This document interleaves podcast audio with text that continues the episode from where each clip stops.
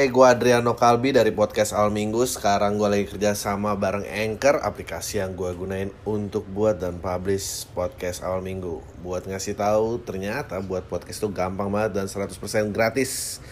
Semua yang kita perluin untuk buat podcast juga ada di Anchor, termasuk distribusi ke Spotify dan platform podcast lainnya. Yuk, download aplikasi Anchor dan bikin podcast kamu segera. Halo semua lagi dengan podcast Al Minggu bareng gue Adriano Kalbi dan hari ini gue akan mengawali dengan penemuan gue di TikTok. Dave Movets mengcover uh, bahasa kalbu loh luar biasa dengan bahasa Indonesia, bahasa Indonesia yang baik dan benar. Uh, rasanya aneh, ya aneh banget lah ngeliatnya. Tapi bukan salah Dave Movets, kayaknya salah gue. Salah gue, uh, kenapa gue masih memperhatikan hal-hal yang terjadi di sosial media gitu. Maksudnya biarlah gue mati dengan kenangan I miss you like crazy apalah itu. gue masih inget dia masih itu berempat kecil-kecil. Tapi itulah. Cowboy Junior udah bubar jadi CJR, CJR udah bubar jadi TBA. Ya Allah. Udah jadi ragu remaja ternyata. Emang mestinya you should be old and disappear. Anyway.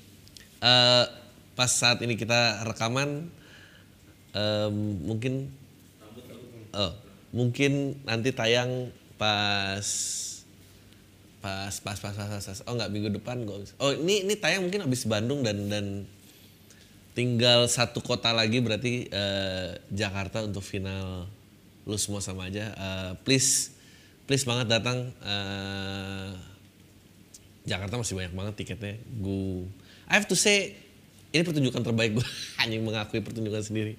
Um, tapi I think ini, ini gue paling puas sih ngerjainnya. Uh, dan dan gue harap bagi yang datang lu juga nggak akan kecewa. Wah lu boleh nonton spesial gue dan nonton spesial lain dan lu bandingkan rasanya. Enggak lah. Anyway emang the world itu tuh berubah di depan mata kita sendiri gitu. Sekarang nih tiba-tiba ada berita Arab Saudi bakal izinkan minuman alkohol yang sebelumnya dilarang. Gokil gokil gokil. Kita tuh sebetulnya tinggal belum lihat apa Rusia tuh udah pecah terus kayaknya mau ngambil lagi Ukraina Arab tadinya tidak mungkin minum alkohol, ternyata minum alkohol. Yang belum itu Yahudi berhenti, eh, Israel berhenti perang aja sama Palestina. Tapi itu bahaya, itu katanya tanda kiamat katanya. Kalau sudah ada kedamaian di tanah itu. Uh, ya, Arab Saudi punya peraturan dulu melarang pembelian, jual beli, kepemilikan hingga konsumsi hingga konsumsi minuman alkohol negara itu mulai dilonggarkan aturan yang melansir Middle East Eye. Saudi berencana mengizinkan penjualan dan mengkonsumsi beberapa jenis minuman beralkohol seperti wine, cocktail, hingga champagne. Minuman-minuman itu boleh dijual maupun dikonsumsi di sebuah resor di kota futuristik. Karena alasannya mendukung pariwisata. Ini tuh menurut gua penting uh, untuk apa ya um, meningkatkan pariwisata karena sebetulnya menurut gua bolehlah ada pengecualian-pengecualian. Kalau emang iman lo kuat, coba. Kenapa harus takut? Um, ini kan hanya untuk iman-iman lemah saja yang mudah tergoda kan kalau ada kebijakan-kebijakan seperti ini.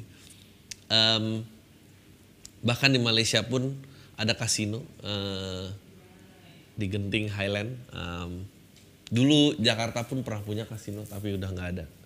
So ya buat pariwisata di Thailand uh, ada satu distrik di mana prostitution itu legal. Um, dan yang boleh masuk seperti kayak di KL yang masuk cuma yang bawa paspor asing. Warga lokal tidak boleh masuk. Um, bakal buka 2023 datang gokil. Sebuah dokumen merencana resort pantai itu pula terdapat gambar yang menunjukkan koktail dituangkan ke depan botol vodka whisky dan wine uh, menunjukkan perempuan bikini dan lelaki tak berbusana atasan shirtless di kapal ya gokil. Um, menghidupkan laut merah untuk superiah dan menarik perhatian perhatian orang perhatian orang-orang yang paling berpengaruh di dunia. Ya karena emang iya uh, melanggar di sana bisa mengenai hukum denda penjara maupun cambuk. Ya menurut gua restriksi tempat tuh penting kayak kita juga kayak Aceh mau bergerak ganja medis kan gitu um, karena dia DI gitu berarti dia bisa mengajukan peraturannya sendiri. Bagus the future is bright. Gue nggak tahu ya. Kayaknya ya menurut gua terjadilah perubahan-perubahan yang nggak pernah lu harapkan lagi. Dan akhirnya ternyata terjadi juga. Oke. Elon Musk Instagram bisa bikin orang jadi iri dan minder dengan orang lain. Emang iya? Ya iyalah. Itu udah gue bilang di podcast ini selama bertahun-tahun. Kenapa harus nunggu Elon Musk yang ngomong? Em, udah pastilah. Gue dari dulu beranggapan eh, ngiri terhadap sosial kelas tertentu tuh selalu ada tapi dulu kan zaman sekolah ya. Em, kalau lo ketemu Senin sampai Jumat atau zaman gue masih sampai Sabtu anjing ya udah minggu lu nggak ketemuan gitu. Minggu lu ini liburan lu nggak ketemuan sama orang itu dan lu kembali ke habitatnya lo gitu. Dan sekarang tuh 24/7 main Instagram. Kayaknya sekarang orang udah nggak ada lagi ketemuan. Kalau dulu tuh ada papasan di mall kaget dan kayak eh kok bisa ada di sini? Ya kok bisa tuh karena emang ya nggak janjian nggak apa teknologi tidak mendukung dan ketemu. Sekarang orang kayaknya udah nggak kaget. Jadi intensity eh berinteraksi dengan orang kaya itu pasti akan berpengaruh dan membuat lu jauh lebih iri gitu. Dan apa namanya orang-orang kaya yang pengaruhnya lebih besar. Orang-orang kaya ini kan sebetulnya pengaruhnya harus di stop dan tidak boleh lebih besar lagi. Orang kaya punya problemnya sendiri lalu dia akan menarasikan problemnya itu ke followers followersnya yang sebetulnya menurut gua kalau sosial ekonomi statusnya itu berbeda nggak usah diambil nggak usah diambil. Nanti em, lu capek lu capek seolah-olah itu masalah lu juga. Padahal mah bukan. Ini contoh ya misalnya. Contoh misalnya mental health. Gue nggak bilang mental health tuh nggak ada. Mental health ada. Eh dan menurut gue kalau anda ekonominya tidak beruntung jangan sampai mental health. Karena apa? Karena mahal bukan apa-apa. Gue tahu mental health paling penting. Tapi kayaknya kalau ekonominya kurang jangan masalah mental deh. Masalah ini aja. Masalah cari uang makan cari bangun kemapanan hidup. Kenapa gue bilang mental health masalah orang kaya? Karena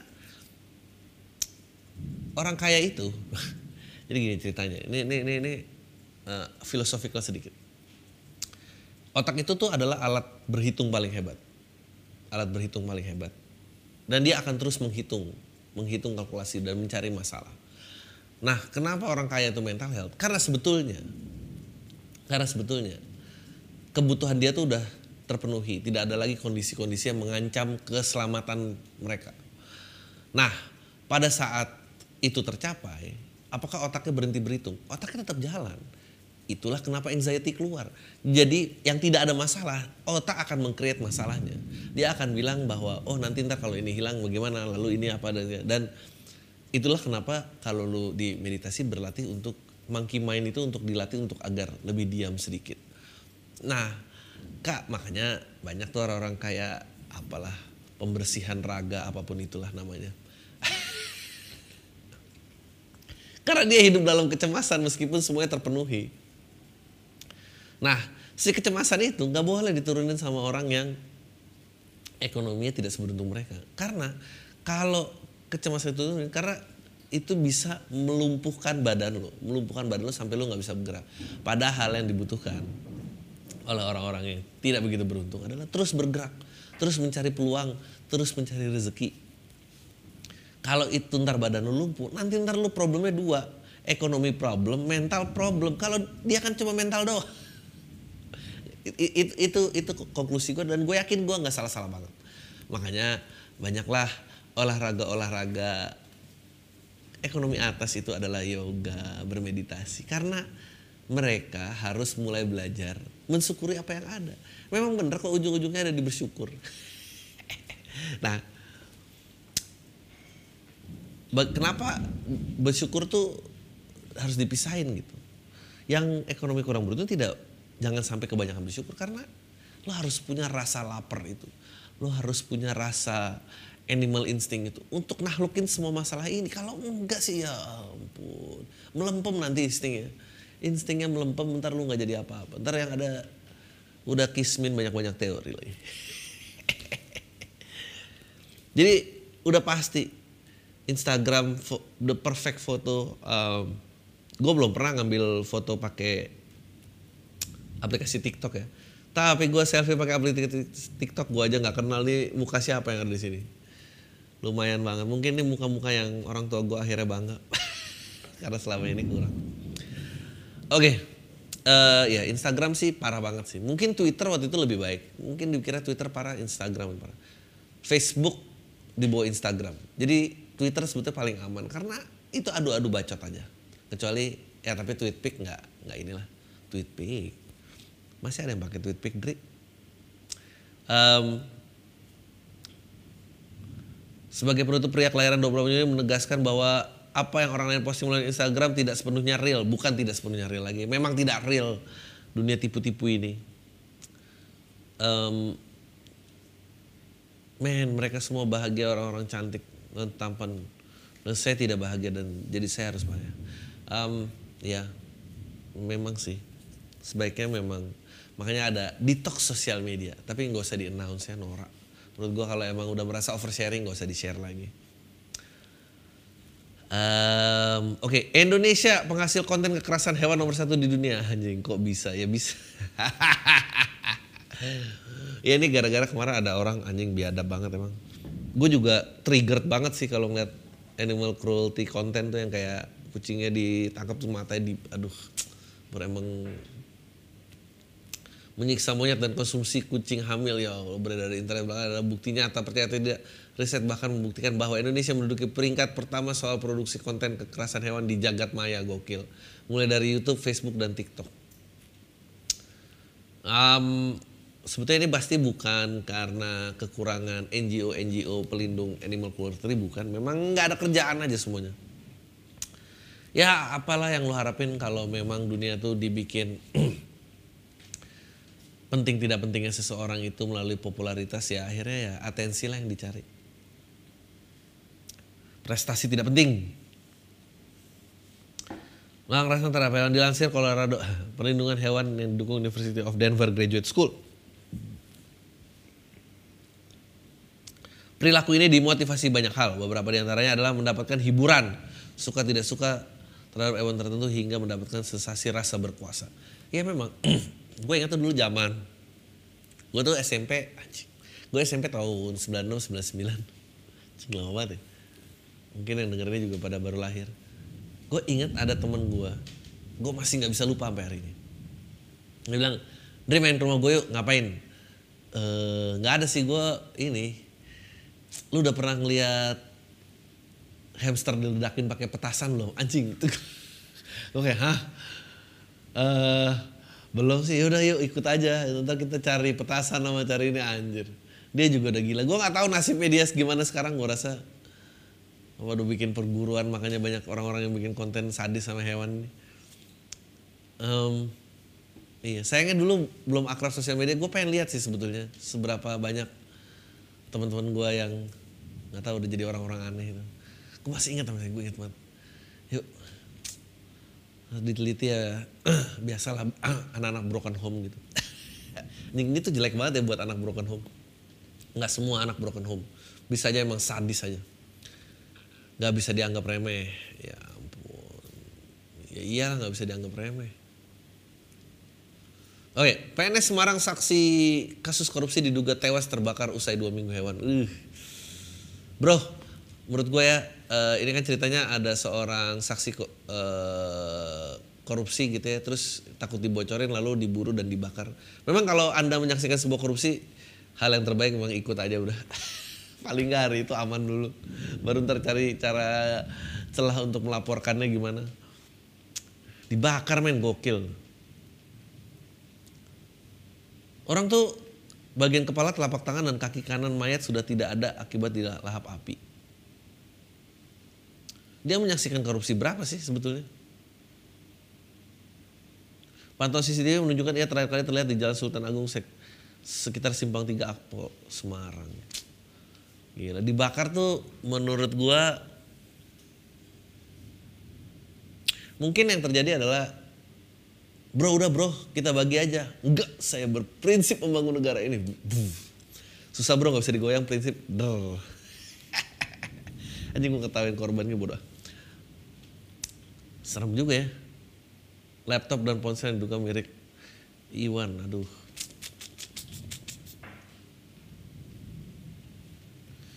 tapi apakah eh, dengan ramenya gue masih mengikuti kasus Sambo ya menurut gue Sambo masih on top of chart kasus-kasus ini sih akan tenggelam nih nggak tahu akan ada kasusnya terungkap apa enggak Gokil. Pegawai Bawa- Bawaslu di Depok tilap APBD RP 1,1 M termasuk untuk dugem. Gokil. Sebetulnya emang kita tuh kayaknya punya problem mengakui jati diri kita yang asli gitu kayaknya.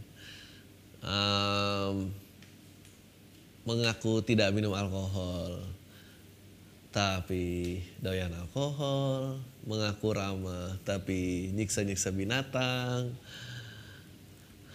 mengaku di regional religius tapi nilep duit buat dugem. Maksud emang mestinya emang ya dimulai dengan jujur terhadap diri sendiri lah. Memang sulit, eh, tidak ada yang laku jadi diri sendiri, tapi mungkin hidup akan jauh lebih baik ya daripada nulis nilep APBD APBD 1,1 M dia belum tahu apa kalau buat dugem nih cuma habis tiga kali. Ya sekali jalan 300 juta sih habis sih menurut gue dia nggak mungkin jalan sendirian. Kalau jalan sendirian ya mungkin seribu kali bisa lah. 10 juta. Tapi kalau ajak orang-orang apa gini kan banyak tuh bill-bill yang di TikTok itu 300 jutaan gokil.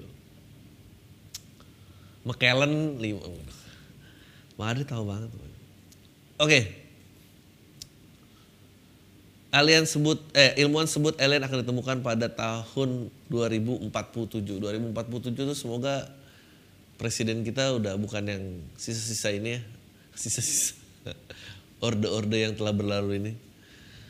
Karena malu, karena malu gak sih kalau ada alien tapi presiden-presiden kita masih yang kayak gini? mau ngomong apa sama alien? Apa yang mau ini? Anda belum legal cimeng juga ya, gitu. Bingung semua. Em, kenapa dia lahir di 2047 ya? Menemukan planet lain di luar tata surya dan sekian banyak dari planet itu tentu ada menjadi rumah alien. Oh, spekulasi. Tapi em gue nggak tahu ya. Apakah ada alien apa enggak? Gue tuh ngerasa gini. Kalau universe tuh masih berkembang terus menerus gitu ya ada ada quote yang bilang gini, ada quote yang bilang ada atau enggaknya alien, faktanya itu sama-sama menakutkan, anjing. Itu bener banget sih kayak dia bilang kalau ada alien itu menakutkan buat keamanan kita. Kalau nggak ada alien juga anjing segede gini universe kita doang gitu. Anjing itu sama-sama menakutkan. Em, dan ya gue nggak tahu gimana caranya bakal gue sih yakin kalau ada alien apalagi aliennya ke tempat kita ya bukan kita yang ke tempat mereka. Kalau kita ke tempat mereka kita peradaban lebih maju. Tapi kalau mereka nyamper sini peradaban mereka lebih maju. Dan satu-satunya komunikasi yang bisa dilakukan oleh peradaban yang lebih maju dan terhadap orang-orang yang ketinggalan peradabannya adalah eh, perbudakan udah pasti. Karena nggak mungkin. Perbudakan itu suka nggak suka terhadap perbudakan. Eh, suka nggak suka perbuda- perbudakan itu adalah eh, cara yang lebih baik sebetulnya menginclude orang-orang yang peradabannya tertinggal. Karena sebelum perbudakan lo tau nggak apa? Pe- pembantaian. Jadi kalau pas pembantaian itu bener-bener udah lo lebih ngerasa lebih maju lebih superior yang lain diajak ngobrol nggak ada yang ngerti nggak ada yang bisa diajak kerjasama udah nggak ada gunanya Fush, abis nah tapi karena udah mulai kayak ya daripada dibunuh tapi kayaknya bisa ada sumbangsinya ini perbudakan. Ya lo pilih aja antara perbudakan atau pembantaian. Karena tidak mungkin eh, stand equal ya. Karena problem kita masih banyak gitu. Anjir lu masih berdebat warna kulit kawin beda agama. Tidak boleh nyimeng. Pasti udah frustasi semua itu kayak kenapa manusia diukur pakai kebanyakan banyaknya uang? Aja itu konsep Instagram dikasih ke alien. Pasti bingung semua tuh alien kayak. Jadi yang lebih banyak rezekinya yang likesnya lebih banyak. Anjing peradaban tolol macam apa? Yang ada semua ini. Nah, pilihannya kalau nggak alien ya robot. Nah ini dia. Gue tuh takut gue tuh sebetulnya paling takut sekarang eh, AI gue takut banget sama AI Em, kita pada nggak nonton Age of Ultron apa itu udah memberikan sneak peek kalau AI itu berkuasa kayak apa gitu. Dan kita nggak ada pahlawan superhero untuk defense kita robot Jepang bisa tertawa saat diajak bercanda makin mirip manusia. Anjing lah. Ini tuh mengerikan loh. AI ini kenapa kita even ke sana sih gitu? Gue penasaran gue pengen denger eh, cita-cita ideal dan baiknya itu apa gitu. Kayaknya nggak ada salah satu karya pop culture yang menyatakan bahwa ada AI itu menjadi peradaban manusia yang lebih maju gitu. Nggak semuanya jelek semua. Lu nonton apa? Lu nonton Black Mirror apalagi? Waduh. Eh, nggak ada yang kalau optimis gitu. Dulu waktu space exploration mendarat di bulan semua kemajuan teknologi itu optimis gitu dirayakannya. Um, gue nggak tahu sih kayak mereka ntar conscious terus kayak pasti udah lebih superior daripada kita. Meskipun lo harus nonton dulu salah satu yang bagus adalah yang main Robin Williams judulnya Bicentennial Man kalau nggak salah. Bicentennial Man kalau nggak salah ya.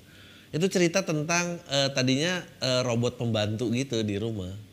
Sampai ada suatu kecelakaan robotnya tiba-tiba melakukan fungsi-fungsi di luar tugasnya dia.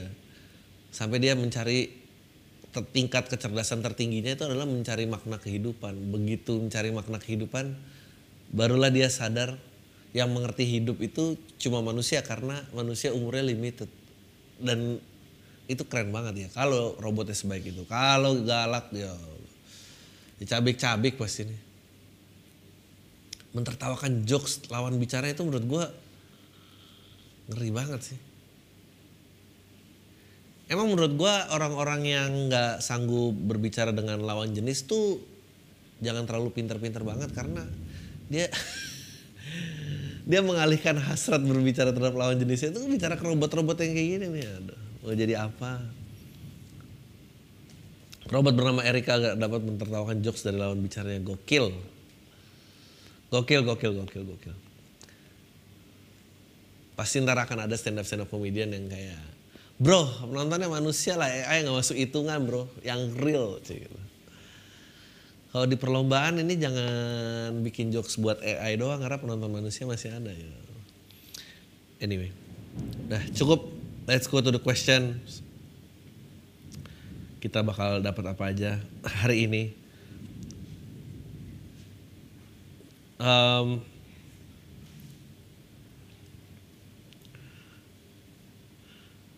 keluhan kerja anak muda revisi anjing. Keluhan kerja anak muda. Halo Bang Adri, semoga adalah oke, gue umur 20 tahun.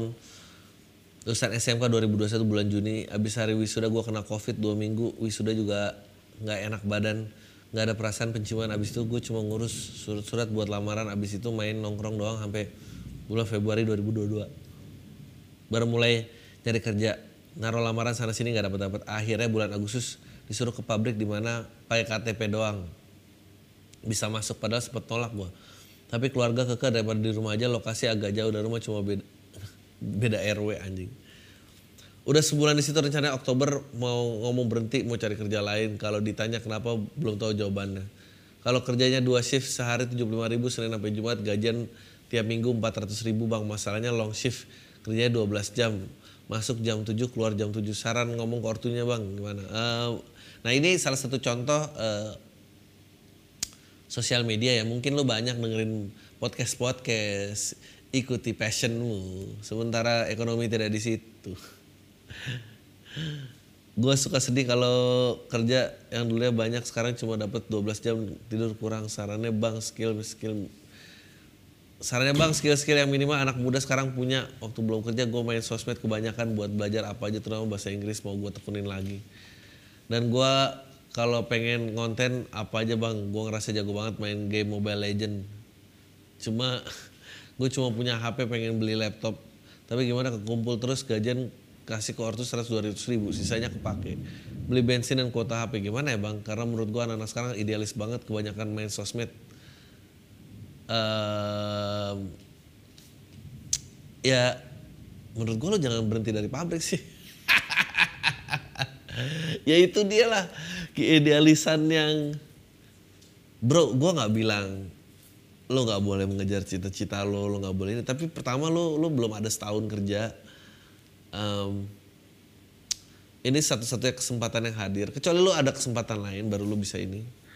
Um, kalau lo pilih nganggur waktu tuh cepet banget lo kalau nganggur. Percayalah. Tiba-tiba set udah 25, 30, 35 ya udah telat untuk diselamatin udah cuma jadi beban hidup keluarga doang. Kayaknya itu yang ditakutin sama keluarga lo kecuali lo bisa kasih komitmen gue gak kuat kerja di pabrik. Gue pengen cari opportunity lain. Pasti pertanyaan mereka adalah kenapa nggak bisa cari opportunity-nya bareng sama lo kerja di pabrik? Gue akan nyaranin itu. Tapi kalau lo nggak mau juga menurut gue lo harus kasih deadline dan lo komit dengan deadline itu. Dua tahun gue mau cari tempat yang ini. Uh, eh, gue akan cari kerjaan nggak usah bro. Ngonten-ngonten mobile legend. Aduh bro nggak usah bro bener. Jangan. Banyak cara lain. Tidak semua orang harus jadi public figure. Apalagi lo nanya gue mobile legend. Mobile legend banyak duitnya bang. Ya mungkin. Mungkin lo bertanya sama panutan yang salah. Mungkin kalau nanya ke Reza Arab mungkin dia lebih ngerti game-game daripada gue um, tapi lagi nggak mungkin ditanya karena lagi sibuk pikirannya. Iya. Itu yang gue takutin sih sebetulnya. Gue dulu juga punya problem ini. Gue punya problem di mana um, gue terekspos dengan hal-hal ya tadi gitu kejar passion dan apa segala macam. Mengejar apa yang gue ingin gitu. Tapi pada kenyataannya ternyata gue harus lebih berani menyambut kesempatan gitu, menunggu untuk mengerjakan apa yang gue inginkan doang itu nggak masuk akal. Dan gue tidak dalam ekonomi seperti itu gitu punya keluasan untuk melakukan itu. Jadi ya mau gimana? Mendingan ya mungkin gue salah kali ya tahu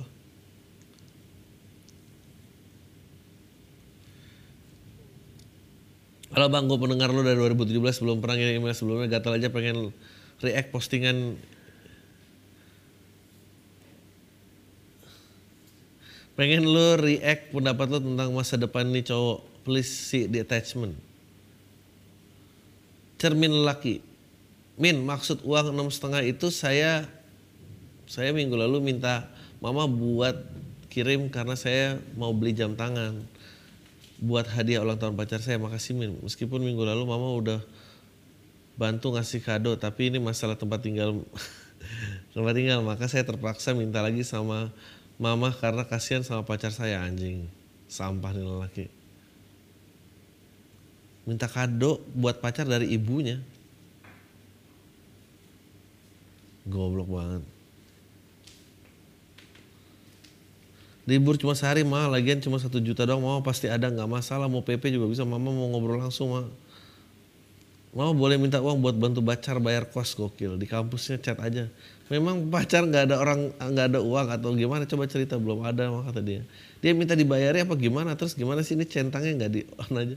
Kasih sama dia ngeluh. Ortu dia belum bisa. Karena kata dia belum panen. Ya Jangan kasih harapan ke perempuan. Ini ibu ya kasihan banget. Karena kalau nggak genit juga perempuan nggak chat-chat sikapnya dijaga jangan sampai sakitin hati orang. Soal uang bukan mama nggak mau bantu. Tapi minggu lalu kan mama udah kasih katanya buat kado ultah. Mau belikan jam minta enam setengah juta. Mama udah kasih. Ini lakinya parah, perempuannya parah nih kayaknya. Libur semua sehari minta satu juta gokil. Emang mama karena naik motor supir sama pembantu ke mana coba di sana bisa antar mama. Anjing goblok. Min saya cuma mau tanya gimana cara meyakinkan ortu terutama mama biar mau membantu karena saya kasihan sama pacar saya. Tapi mama saya sepertinya nggak mau bantu padahal saya tahu keuangan mama saya baik. Mama punya bisnis sendiri dan papa juga beda bisnis. Papa selalu ngantor lebih sibuk dan mama lebih banyak waktu di rumah. Setiap hari emang mau pergi kontrol bisnis tapi cuma sebentar siang sampai sore coba beda berapa jam. Maaf saya kurang pandai merantai kata goblok. Jadi sulit curhat pakai tulisan saya 21 tahun punya kakak cewek saya mau pacar saya sudah ketemu. Saya saya pacar saya udah pacaran mau enam bulan gokil. Baru enam bulan libatin ibunya. Eh, sebelumnya saya pacaran sama adik tingkat. Ini ya masalah saya itu min kalau hubungan sama keluarga baik aja. Mama saya juga perhatian saya juga baik. Papa juga sibuk jarang ngobrol sama papa buat wakilin curhat saya kayaknya saya kirim capture wa saya sama mama saya. Ya allah goblok goblok banget sih nih goblok men. Sosial media tuh membuat ya apa ya yang terbawah dari kemanusiaan ini kelihatan gitu. Yang gue nggak nyangka ada manusia kayak gitu ternyata ada juga ada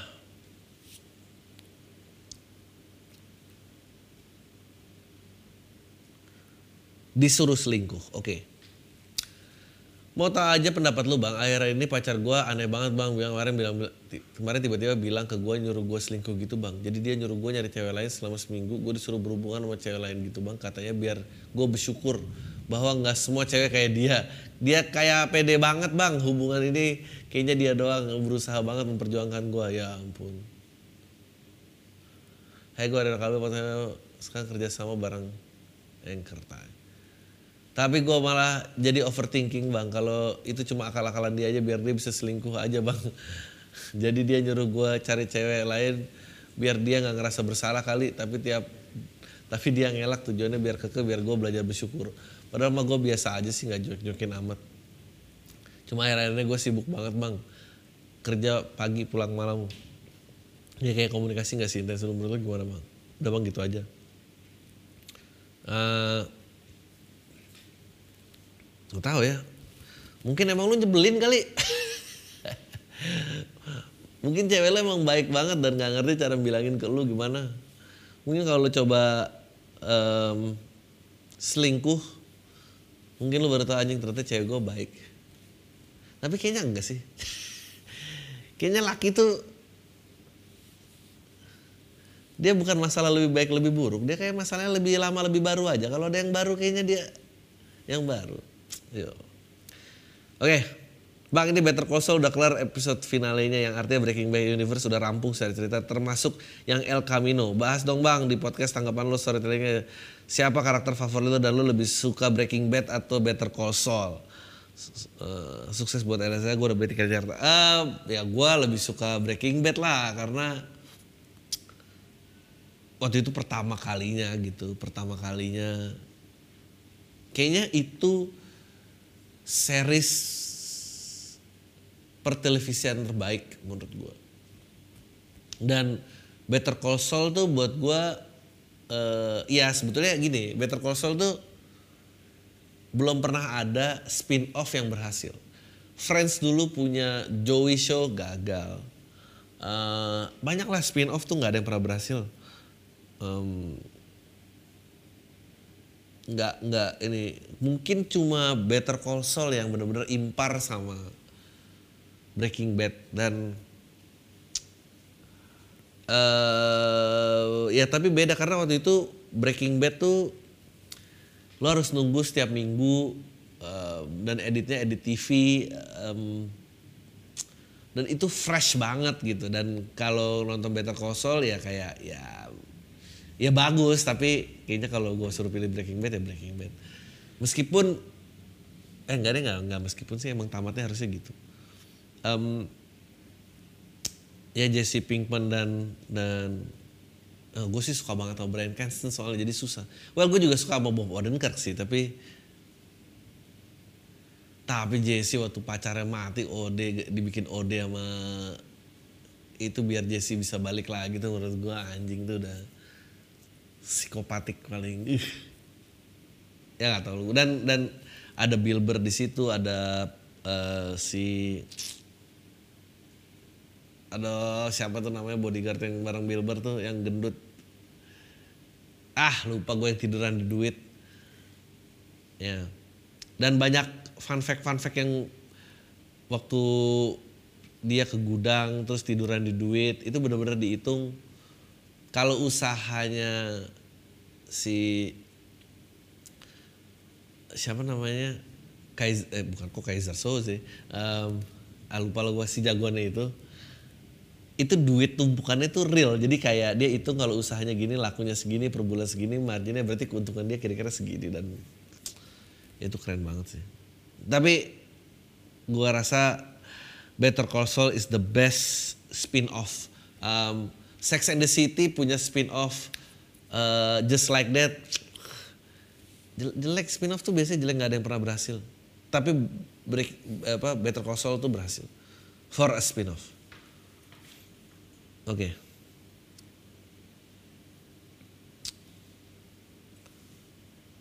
Um,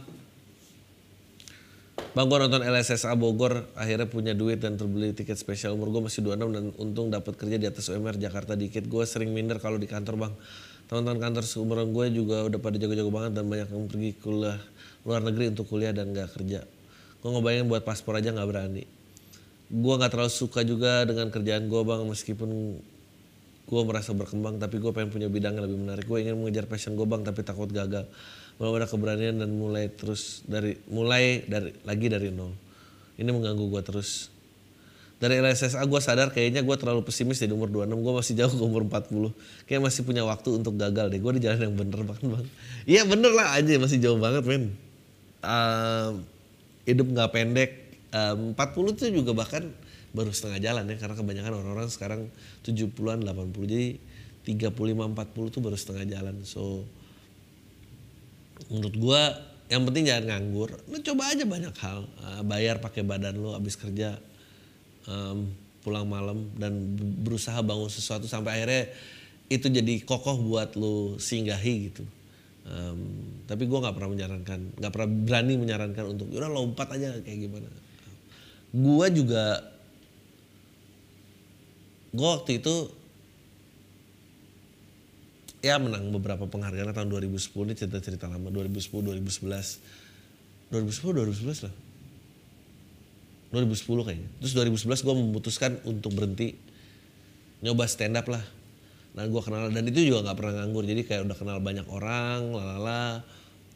Uh, eh, gue ketemu Angga bikin serial dokumenter gue ketemu Panji diajak jadi penyiar Um, so I got that going on. Terus gue pikir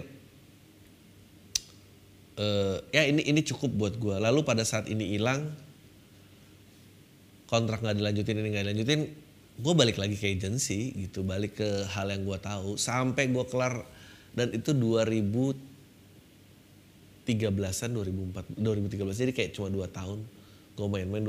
2013 sampai 2017 baru 2016 baru Angga Nafar lagi baru jadi kantor. Jadi buah pertemanan yang di tahun 2012 baru berbuah di tahun 2017 jadi kantor. Um, baru gue ngerasa itu cukup kokoh dan gue lompat dan abis itu ketemu Patrick terus Emily happen. Um, apakah gue merasa akan mati dengan ini aja? Gue rasa enggak ya. Gue kayaknya masih banyak yang pengen dikerjain jadi ya sambil di sini sambil ngerjain yang lain aja gitu. Um, Oke. Okay.